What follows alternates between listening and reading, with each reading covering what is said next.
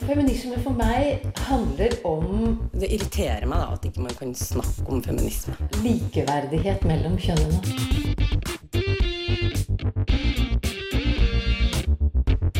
Det blikket på kvinnen på film. handlet det om å bli tatt på alvor som jente. Du hører på Et eget rom på Radio Nova. Heksebrenning og hekseforfølgelse med religiøse styrende krefter. Hva var egentlig motivasjonen bak disse angrepene? Og om heksen tidligere var okkult, overnaturlig og kroppslig, hvordan kan en moderne heks i nåtidens populærkultur defineres?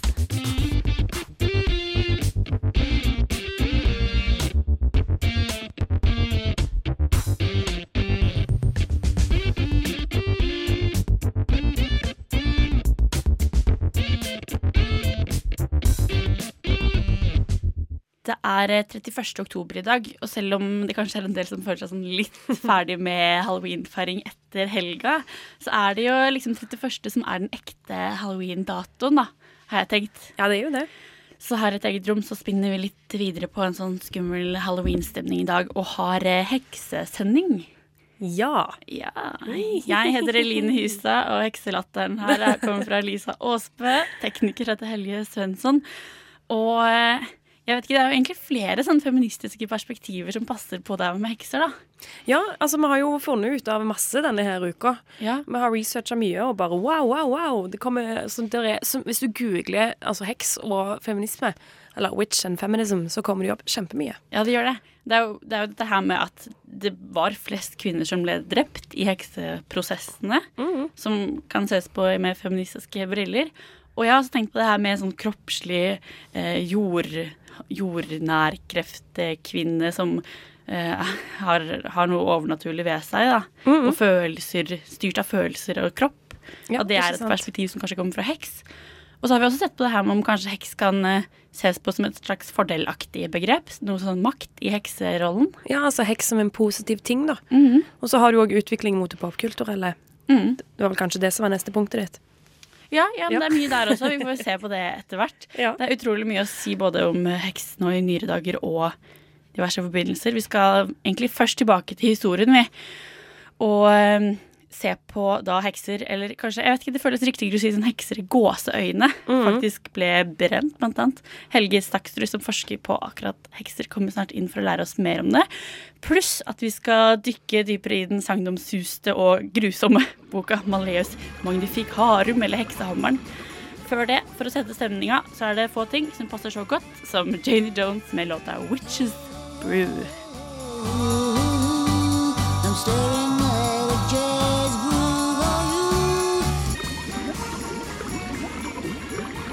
Det bobler og koker i bakgrunnen her.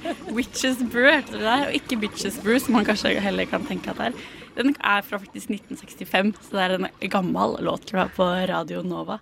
Men her er jo hekser litt sånn gøy og tjolahei og eventyraktig, ikke sant? Ja. Men eh, det er jo ikke akkurat bare fryd og gammen knytta til hekser. Nei, ikke hvis man spoler noen århundrer eh, tilbake i tid. Årtusen århundrer? Århundrer tilbake i Ja. tid, ja. Tusen mye. For hvis vi nå da spoler tilbake til sånn 1400-tallet, Ja. eh, så ble jo faktisk folk forfulgt for å være hekser. Yes. og anklagd. Og noe av det som i hvert fall eh, flere steder går igjen for å være litt sånn avspark da, for disse hekseforfølgelsene, er denne boka. Som heter Maleus Maleficarum. Ja, Var det riktig nå? det stemmer. Eh, Heksehammeren på, disse, på norsk, for de som ikke er så stødige i latin. Eh, og her legges jo liksom til rette da, for eh, hvordan man skal spore opp hekser og rettslig forfølge dem. Mhm. Og eh, Stemmer. vi fikk et tips da, om å se på denne boka her for en liten stund siden, og det har du gjort, Lisa.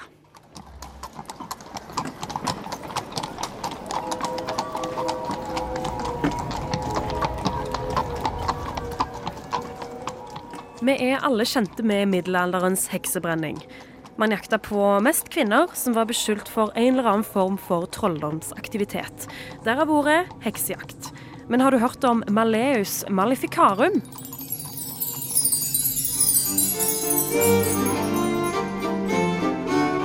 Vi befinner oss i Tyskland på slutten av 1400-tallet. Nærmere bestemt året 1486, og ved universitetet i Köln. Heinrich Kramer som levde fra ca. 1430 til 1505, mente at samfunnet opplevde en befolkningseksplosjon av hekser. Det var på høy tid med klare retningslinjer for hvordan en skulle håndtere problemet med disse føyelige kvinnene. Sammen med professor i teologi ved Universitetet i Köln, Jakob Sprenger, skrev han boken 'Maleus Maleficarum', der heksenhammer, eller på norsk 'Heksehammeren'. I heksehammerens to første deler beskrives hekseriets form, og de prøver å bevise at dette fenomenet faktisk eksisterer. Hvem er heksene? Hvordan og hvorfor har de blitt til disse farlige og høyst uønska vesenene? Jo, ifølge forfatterne er hekseri uten tvil knytta opp mot den kvinnelige karakter. Kvinnen hun har en mental, fysisk, moralsk og åndelig svakhet som gjør henne tilbøyelig for å bli forført av demonene. Sammen med den sterke skjønnslysten hennes så blir hun et lett bytte for djevelen. Her må det òg nevnes at både djevelen og demonene tilfredsstilte hun bedre seksuelt enn det vanlige menn kunne gjøre. Og det var sånn Kramer og Sprenger konstaterte at hekseri i all hovedsak er en kvinneforbrytelse.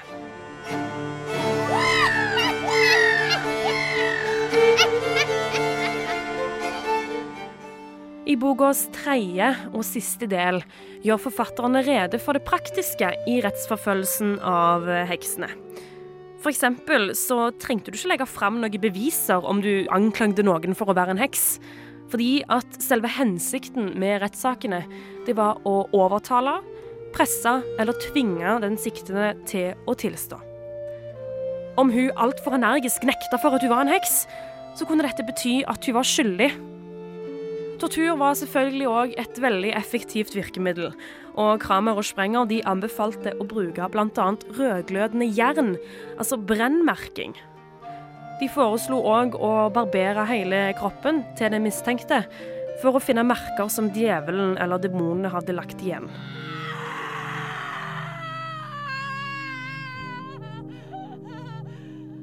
Boktrykkerkunsten, som på denne tiden var forholdsvis fersk, gjorde at boka spredde seg voldsomt. Og det som gjorde han så populær, var at han fremla en intellektuell forståelse av fenomenet heks. Både katolikker og protestanter, altså store deler av kirka på denne tiden, godtok boka som autoritet når det gjaldt hekseri. Man kan si at boka legitimerte disse historiske hekseprosessene, og at den legitimerte kvinnehat.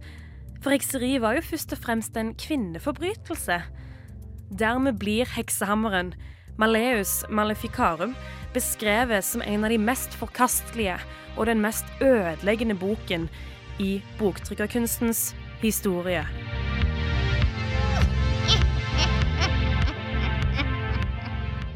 Lisa Aasbø der, om Maleus Maleficarum. Som jeg syns tittelen høres nesten litt sånn heksete ut i seg sjæl, egentlig. Litt Ja. sånn skummel. Men den boka her ble jo på en måte sett på som et slags startskudd, så vidt jeg har forstått. Den er i hvert fall veldig viktig. Og vi skal fortsette å se nærmere på denne starten da, for heksebevegelsen. Og for å hjelpe oss med det, så har vi fått besøk av deg, Helge Stakstrud. Du er stipendiat er det, på Teologisk fakultet nå, Det er jeg. og skriver doktoravhandling om eh, nettopp hekser. Ja. Eh, hekser, eller i hvert fall eh, teologiske forutsetninger for, eh, for trolldomsforfølgelsene. Ja. Og ja, teologiske ideer og tanker om det onde. Ja. Ganske stort perspektiv på det. Men det, jeg tror du kan hjelpe oss, da. For jeg, tror vi har, jeg har i hvert fall ganske mange sånn både um, ideer som jeg tror er myter, og lagd litt om hva hekser er. Så jeg tror det blir bra med litt sånn eh, korrigering. Og hvis vi starter, eh, starter liksom med heksehammeren som vi hørte her nå, da, som eh, Jeg vet ikke, Hvordan tenker du at det begynner? Er det noen sånn idé om når Når alt kommer? begynner. Ja. Nei, jeg tror ikke det er noe Det fenomenet vi tenker på som er hekseprosessene, populært kalt, eh, som forskere i Norden alltid kaller trolldomsprosessene. Fordi begrepet heks det kommer først eh, mot slutten av 1600-tallet. Oh. I norsk sammenheng, det er en nordisk sammenheng. Mm. en dansk-norsk sammenheng. Eh, men eh, det funker jo å kalle det hekseprosessene, syns jeg. Det er også litt mer catchy navn. Ja. Ja. Men eh, Nei, hva, en slags begynnelse tror jeg er vanskelig.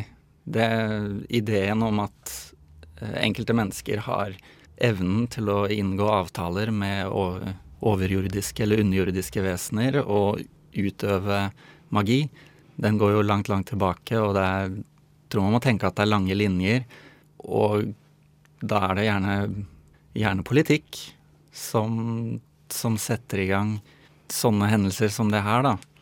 Det, det vil jeg si. En politisk måte å styre, styre det som er litt sånn skummelt og Ja. på. For, for det blir jo lagt til rette for politisk i, altså i, For å ta Danmark-Norge nok en gang, så, er, så legges det jo veldig til rette gjennom presteskapet og gjennom kongen, ikke minst, med lover. Og det er jo etter disse lovene at vi ser eh, at det faktisk blir eh, rettssaker med dødsdommer.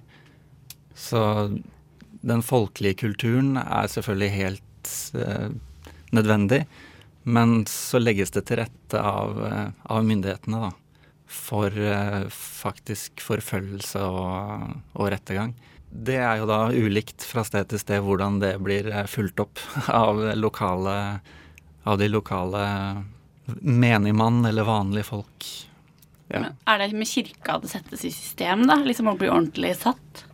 Ja, jeg tenker jo det. Kirka eh, og det, det, overgangen fra andre typer over, eller hvis man kan kalle det overtro her, men andre former for eh, å tro på at eh, det, mennesker kan utøve magi ved hjelp av overjordiske vesener, så går det Så er det dette at den kristne djevel og demonene er, er hovedaktører i eh, det ideologiske grunnlaget. Mm. Så ja. Så man finner et slags religiøst belegg i en sånn overgang fra demoner, eller sånn tusser og troll, til å gå over til Ja. djevelen i en religiøs tid, da. Ja, ja, ja. Kristen tid. ja. Det er jo I Magnus Lagabøtes lov så er det forbudt å inngå avtaler med troll. Eh, I Kristian 4. sine lover så, så går det mer i retning av djevelpakt. Eller da går det i retning av djevelpakt. Men når vi snakker om sånn behandlinga, så snakker vi jo ofte om heksebrenning, som høres ut kjempedramatisk ut. Men er det brenning det er mest av? Mest det er også fra sted til sted. Stor forskjell. Da kan man vel sammenligne sånn som i mange tyske det, het, det var ikke Tyskland da, men mange av de fyrstedømmene som eh, nå utgjør Tyskland, så var det, så var det mye brenning. Da, da var det mye bål. Og også eh, mange andre steder i, eh, i Europa. Men i England f.eks. så var det henging. Og der er det også tilfeller at de har blitt, de har blitt strangled. De er kvelt. Ja. Før de da brennes. Jo ja. Det er jo var så- Ekstra dramatisk. Eller er det kanskje mer humant? Jeg vet ikke helt. Jeg, tror jeg tenkte først at det var humant, Ja, nesten. det var egentlig det. Det er Uansett ikke humant, men uh, jeg tror den brenningsprosessen Ja, må være noe av det mest smertefulle jeg kan tenke meg. Det høres jo helt Og- forferdelig ut. Ja. Ja. Og det ligger jo mye symbolikk, tenker jeg, i å, i å velge en sånn form for, uh, for henrettelse. Ja, der tenker jeg det, det høres ut som det ligger mye religiøs eh, symbolikk også, i disse flammene som man skal Ja, ja, ja. liksom. Mm. Man tenker jo med en gang på helvete. Ja. Det, det gjør man jo. Og, og det er også fra mm, lover i middelalderen, eh, katolske kirkes lover, så ser man jo at eh, man skal brenne mennesker som, som gjør de verst tenkelige lovbruddene. Og da handler det om lovbrudd som ja, le majesté, altså å fornærme enten konge eller uh, gud. Ja. Da skulle du brennes. Da skulle du gjøres et eksempel ut av og Det skal sikkert gjøre litt ekstra vondt også, kan jeg tenke meg. Ja, Men er det også litt det her med mid i middelalderen, har jeg inntrykk av, da er det veldig sånn at helvete er veldig til stede, eller den ideen om at helvete fins, og det grusomme At det er veldig sånn polarisert, på en måte. Er det også litt derfor det blir sånn at heksen blir veldig sånn Ja, Noe sånn djevelsk og veldig helveteaktig over det? blir veldig det i, eh, i dette tankeuniverset som, som man eh, leser om i kirkelige kilder. Til dels også i, i rettsprosessene. Men eh, jeg syns det er interessant da å se på, på selve anklagene at det er ikke noe sånn overveldende inntrykk av at de som anga, eller anklaget eh, hekser, gikk til fogden og sa jeg har lyst til å føre sak mot eh, den og den personen. At de var opptatt av dette eh, himmel-helvete-perspektivet. For dem handla det om at noe, noe, gærent hadde skjedd i deres liv, og de mente at det var en uh, person med magiske evner som var årsaken. Ja, At det ble en måte å, å kvitte seg med de man syntes var litt ja. Det, det, kan du si, men også begrunna i at de trodde jo, ja. vil jeg påstå, så må vi gå ut ifra at de faktisk trodde at den personen kunne ta livet av kua, eller uh, påføre sykdom på kua, eller gjøre at kornene ikke vokste opp. Eller at et skip gikk ned pga. storm. Og De trodde jo åpenbart, mener jeg, da, at, uh, at mennesker hadde disse evnene gjennom uh, andre magiske vesener. Mm. Så ting man ikke kunne forklare, rett og slett. Ja, Legitimerte man da med eller, ja. ja. Rett og slett. Ja. Vi skal fortsette å ha det på besøk, fordi vi lurer også Eller jeg lurer veldig på det her med det kjønnsperspektivet i det. Men yeah. først så skal vi høre litt musikk, og det passer kanskje litt halloween-tema med blood cultures, men med en veldig hyggelig sang som heter Indian Summer.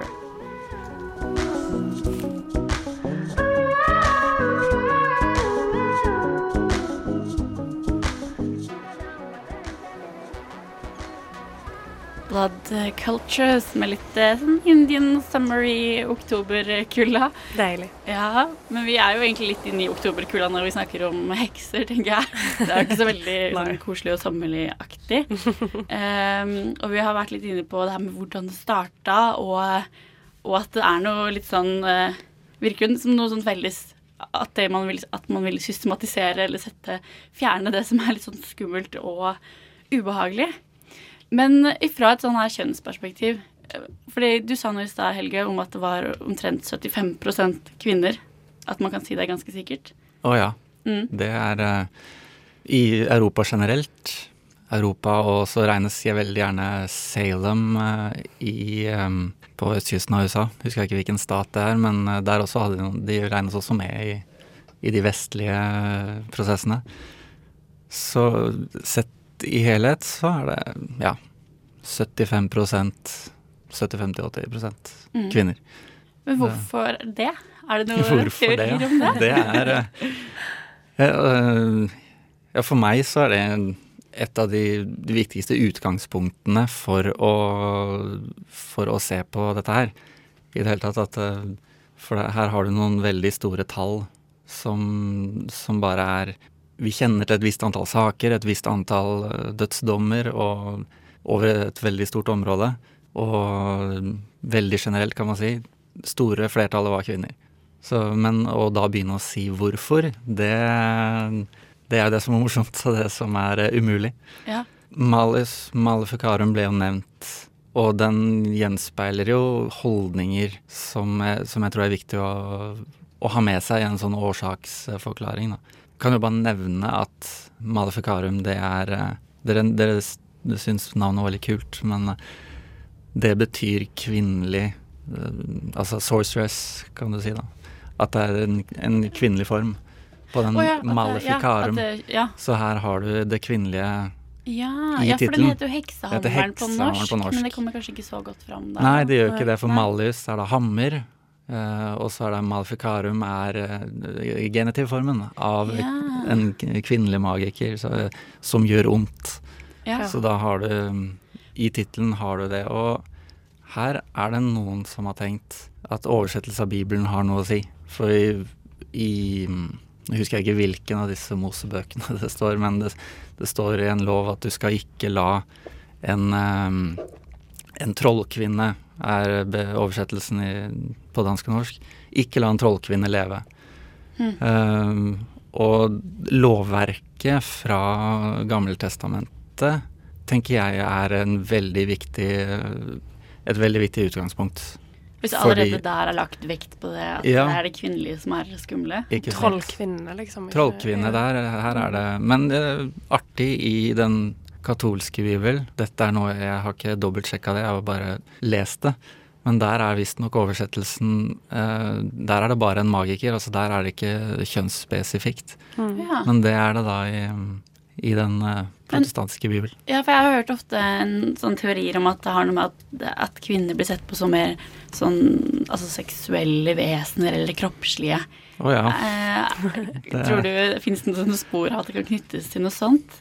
Ja, det, i det grunnlaget, skal man si, som det kirkens menn eh, holdt på med, så er det veldig mye av det. Malius er jo definitivt et eksempel på vanvittige teorier om, eh, om kvinners natur som ligger, til, som ligger til grunn. Hvis man leser demonologi til en, en dansk professor, så er det tona ned eh, akkurat det perspektivet i stor grad. Han, eh, Nils Hemmingsen som heter, var ikke fullt så, eh, så opptatt av disse, disse teoriene hvor, hvor kvinner stemples som, som eh, med umettelig seksuelt begjær, og at de inngikk da pakter, seksuelle pakter med djevel og demoner. Men så syns jeg det er interessant å da se på anklagene som kommer. For der også er det et viktig kjønnsperspektiv, tenker jeg. Du har det fantasifulle teologiske utgangspunktet hvor, hvor kvinner eh, du, du er på grensen til kvinnehat eh, i, i måten det skrives. Mens det er jo også i disse, i, når, når vanlige mennesker kommer med en anklage, så er det ikke, så er det, ikke det de er opptatt av. At eh, kvinner er i pakt med djevelen. De er opptatt av at det var en eller annen kvinne med magiske evner som tok livet av kua mi. Eller påførte sykdom på familien. Men det er jo fremdeles et kjønnsperspektiv på at det så mye oftere var kvinner som ble anklaget. Ble de oftere anklaget av menn, eller er det like mange kvinner og menn som anklager? Vet du noe om det? Her nå, eh, litt ute på glattis, men jeg mener å huske at det ikke er eh, At her er det ja, både kvinner og menn som, eh, som anklager. Jeg vet i tidligere sånn kjønnsteoretiske bøker så har det blitt hevda at det var både menn som, som hata kvinner, og det har også blitt hevda at det er kvinner som har vært sjalu eller misunnelige. Så begge de to retningene har blitt forfekta. Men eh, det tør ikke jeg svare på akkurat nå. Det er, det er jo ikke noe sånn nytt heller, tenker jeg, i, sånn, i større idehistorisk perspektiv, at det kvinnelige blir sett noe sånn galskapaktig og litt sånn uberegnelig, liksom. Ja, for kvinnen ja. som ikke er stille, og som ikke på en måte Kvinnen som, som, som gjør det hun vil, da, og som Ja. danser, og som må sier det som hun har lyst til å si, da, kanskje. Ikke sant. Jeg har lyst til å bare fortelle en liten historie da om um, Det var, en, det var 17. mai. Møtte jeg en eh, Var jeg et sted. Og, og der var det en Da de fikk vite hva jeg drev med, så var det mange som ble veldig interessert. Og så var det en, em, en voksen dame som sa Hvem var disse kvinnene? Og før jeg rakk å svare, så sa hun akkurat det du sier, at var dette sterke kvinner som tenkte selv, og som uh, turte å si hva de sto for, og ikke lot seg dominere? Og som kanskje også så ting andre ikke så. Sånn. Og det var veldig tydelig at hun identifiserte seg sterkt med den type kvinne. Hun tenkte at den type kvinne måtte ha blitt forfulgt. Ja. Det er veldig Det- interessant, det. Vi skal komme tilbake til det seinere i sendinga også, det her med om heksa kan være et sånn sterkt feministisk forbilde fordi man er en slags sånn mot, motbevegelse også. Men uh, før, jeg tror vi må runde av eh, med den historiske praten, selv om jeg tror vi kunne hatt deg her i evigheter og snakke om det her, for det er kjempepasse Hyggelig. spennende. Jeg kunne også blitt værende lenge. Ja, det er hyggelig å høre. Ja. Tusen takk for at du kom og hjalp oss med å revidere noen av mytene og kanskje lage litt mer sånn dybde til hekseperspektivet. Lykke til videre med forskninga, Helge Stakstrud. Tusen takk. Vi skal få litt sånn norsk-svensk musikk herfra fra Svankropp. De sier at de lager cyberpunk. Jeg syns det høres litt passende ut, for det er i hvert fall veldig sånn kaotisk og spennende og rart. Oh,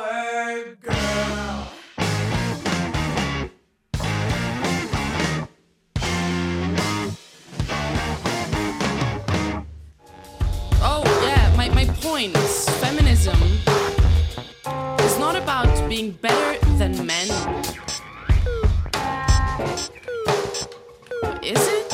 Et eget rom prøver å finne ut hvor mye feminisme egentlig kan være. Hver mandag på Radio Nova.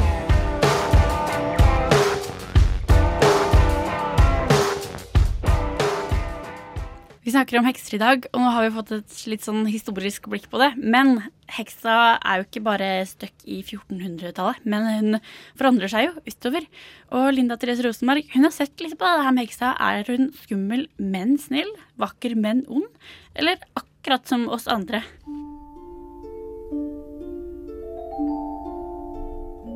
Har du magiske egenskaper eller overnaturlige evner? Da er du i populærkulturens øyne en heks. Og i disse populærkulturelle øynene så har heksa gått fra å være stygg, ekkel og ondskapsfull til å få langt mer positive konnotasjoner. Ser man heksas historie med feministiske briller, er det lett å se henne som en motstandsfigur. Hun er en som motsetter seg det etablerte ved å være annerledes, og blir derfor en som både holdes utenfor fellesskapet, og som holdes nede. Heksa er den undertrykte, som litteraturviter Marte Tretvold tidligere har skrevet. Heksa er ikke lydig og veloppdragen. Hun er i storsamfunnets øyne vill og overskridende. Hun er selvstendig, representerer noe mystisk, ukjent og grenseoverskridende. Hun er nettopp uspiselig. Forfatterne Olga Ravn og Johanna Lykke Holm har i Danmark og Sverige holdt kurs om heksa og hvem heksa er. De mener at heksa kan ses som selve hjertet i feminismen. Heksa passer ikke inn i samfunnets trange normer, som de fleste forventes å passe inn i. Heksa befinner seg på grensen over hva som kan aksepteres og ikke. Hun er derfor den som kan endre det bestående. Som motstandsfigur blir hun den som ikke underkaster seg de rådende normene. Derfor har Olga Ravn uttalt tilbyr heksa en identitet som er kritisk til den gjeldende normen. Det er i heksens natur å stå utenfor. Utenfor det som er felles, og utenfor der makten er. Hun må definere ting på nytt, og kanskje er det nettopp her det magiske ligger. I det å kunne definere og forvandle, i selve opprøret. Heksas styrke er at hun kan gjøre det uforventede. Hun er rebellen i samfunnet. Og fordi hun gjør opprør, er hun også ukontrollerbar. Heksa er feministen som protesterer, og som ikke anerkjenner stereotypiene.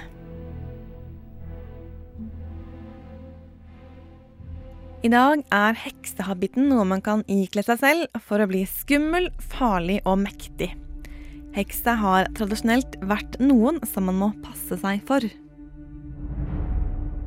For hva skjedde egentlig under hekseforfølgelsene?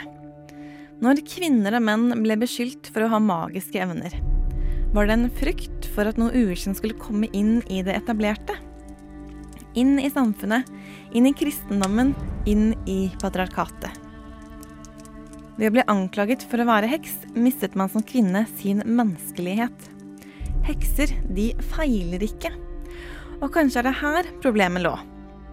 Heksa er feil i seg selv. En trussel for samfunnet, og en heks på bålet gjorde kanskje verden litt tryggere. For trolldom gir makt, og derfor så måtte heksa forstummes, forfølges og utryddes.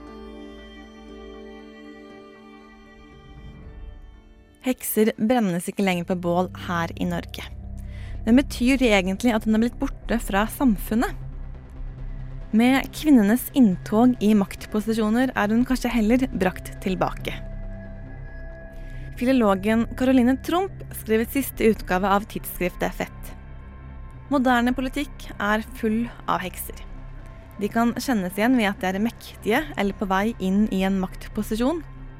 De er bestemte og ikke redde for å innta upopulære synspunkter. De kan befinne seg på både høyre- og venstresiden. Og de er alle sammen kvinner. Heksa er altså fremdeles truende. Men kanskje ikke så mye i seg selv. Heller er heks blitt en merkelapp for å uskadeliggjøre. For man diskuterer ikke med ei politisk heks. Man ler av henne. Which oh which? Well, uh, the wicked witch. Oh. Ding dong, the wicked witch is dead. Oh yeah, happy Linda Therese Rosenberg hørte der med litt sånn filosofiske refleksjoner rundt hvem heksa egentlig er. Vi skal fortsette å se nærmere på det som Linda leder oss litt mot, den her nyere heksa. For jeg har faktisk en hypotese om at heksa i 80- og 90-tallsfilmer og serier blir litt sånn kult eh, forbilde. Det kan vi jo tenke litt på. Imens så skal dere få høre Hedvig Mollestad med låta 'Code of Hammurabi', som faktisk er fra plata 'All of Them Witches'.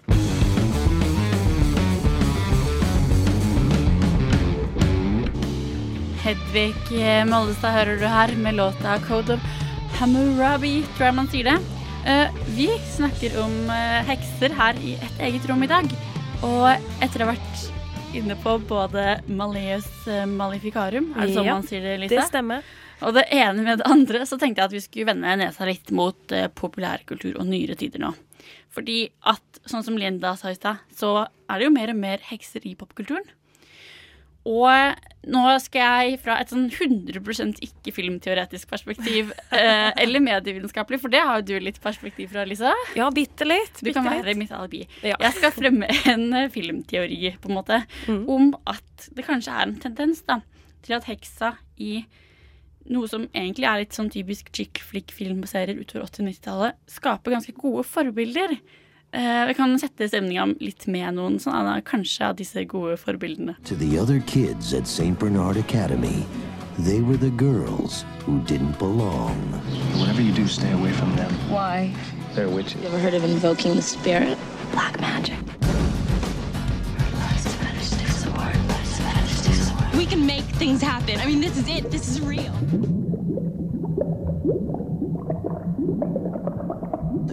Sure this is the right spell? Remind me never to go on sabbatical again. Stop, stop, stop. You're going to take someone's eye out. Besides, you're saying it wrong. It's Leviosa, not Leviosa. You, you're one of us. Me?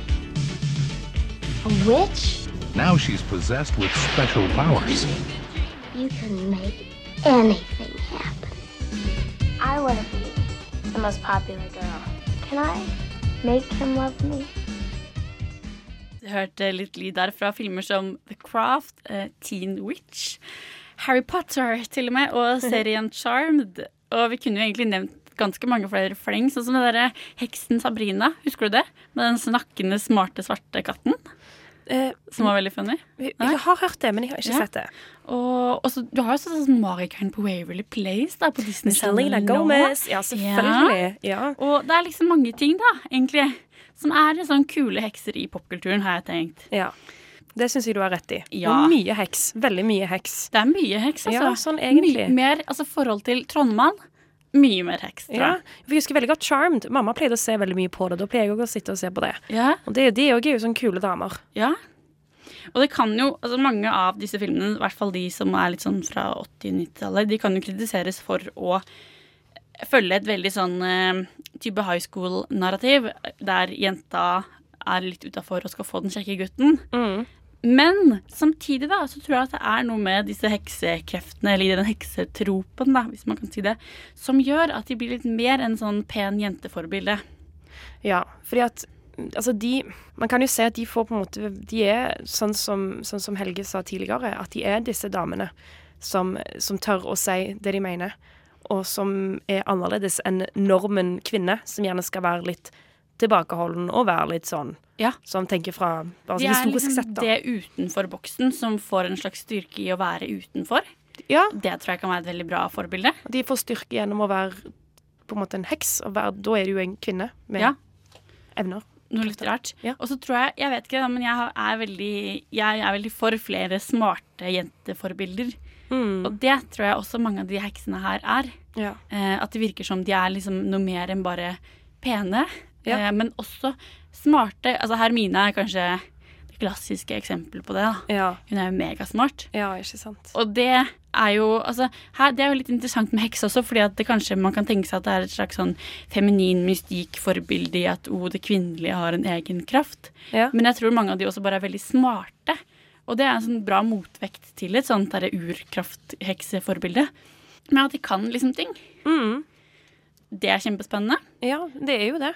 Og så har jeg også lest, fordi det er ganske mange som har skrevet om det her, sånn som du snakket om innledningsvis også, og ei som heter Pam Grossman, som har eh, studert det her med, med magiske praksiser, holdt på å si. Hun mener at disse heksene i film de har en, eh, en slags egen makt da, som resonnerer bra med en moderne kvinne, fordi de henter ikke makt ifra andre mennesker. Sånn som den tradisjonelle kvinnelige arketypen i film gjør. Ja. Det er ikke sånn at de har makt for å, fordi de er dronning eller datter eller mor. Altså, det er ikke der de henter det fra, men de har en makt i seg sjæl, da. Ja. For det er akkurat det. Jeg òg har lest en, uh, artikkel, uh, en artikkel om det for lenge siden, der hun skrev da, Det var en forfatter som skrev om hvorfor hun var så fascinert av hekser, og hvorfor hun skrev så mye om hekser. Fordi, fordi at hun gjennom hele livet sitt har opplevd at eneste makten gjerne kvinner føler på, er den makten som kroppen deres gir han. Eller gir deg, Ja. da. Gjennom at uh, menn på en måte ser på deg og begjærer deg. Og det er sånn du får makt. Mens hekser får makt innenfra. Og det er derfor det er så kult. Derfor Eller fordi de er smarte så- og ikke være pene også. ja, at de får makt innenfra fra sitt eget hode fordi de Ja. er smarte. Det er liksom en, Og- en egen, en egen, egen makt, da, som Ja. er skikkelig viktig. Så jeg tror det er, Jeg har sett mange som kritiserer det også, og mener at disse heksefilmene bare er sånn det samme same shit som vi har sett før, at det bare er en mannlig regissør som putter inn patriarkalske verdier. Men jeg husker det i hvert fall som veldig gode forbilder, og jeg tror det kan være noe i det, da. Absolutt. Men uh, ja, nok amatørfilmanalyse herfra, tror jeg vi skal si.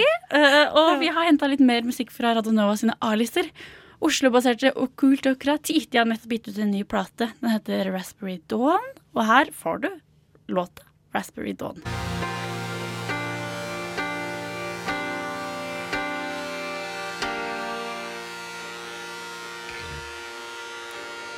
Og kultokrati hørte du der med Raspberry Dawn. Og et eget rom sin litt sånn okkulte heksesending. Den går jo egentlig mot slutten nå. Men hvis du nettopp skrudde på tab eller nettspiller eller gode gamle FM 99,3, så har du fortsatt muligheten til å høre oss på Soundcloud eller din foretrukne podkast-app. Der er det også eldre sendinger. Det anbefales.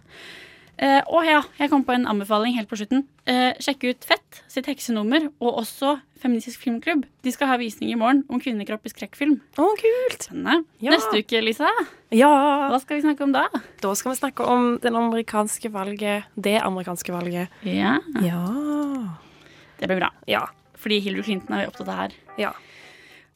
Potensielt USAs første kvinnelige Ja. president. Vi får besøk av Gro Lindstad kan vi røpe. for Ja. å snakke om det. Det blir veldig gøy. I mellomtida så får du, kjære lytter, ha en strålende uke i likestillingens navn. Ja. Og så høres vi igjen snart. Takk til tekniker Helle Svensson. Takk til deg, Lisa Aasbø. Og Eline, takk til deg. Eline Hystad. Ja. Og Linda Therese Rosenberg, som også har bidratt. Ja. Her får du Apple Tree av Folkestad.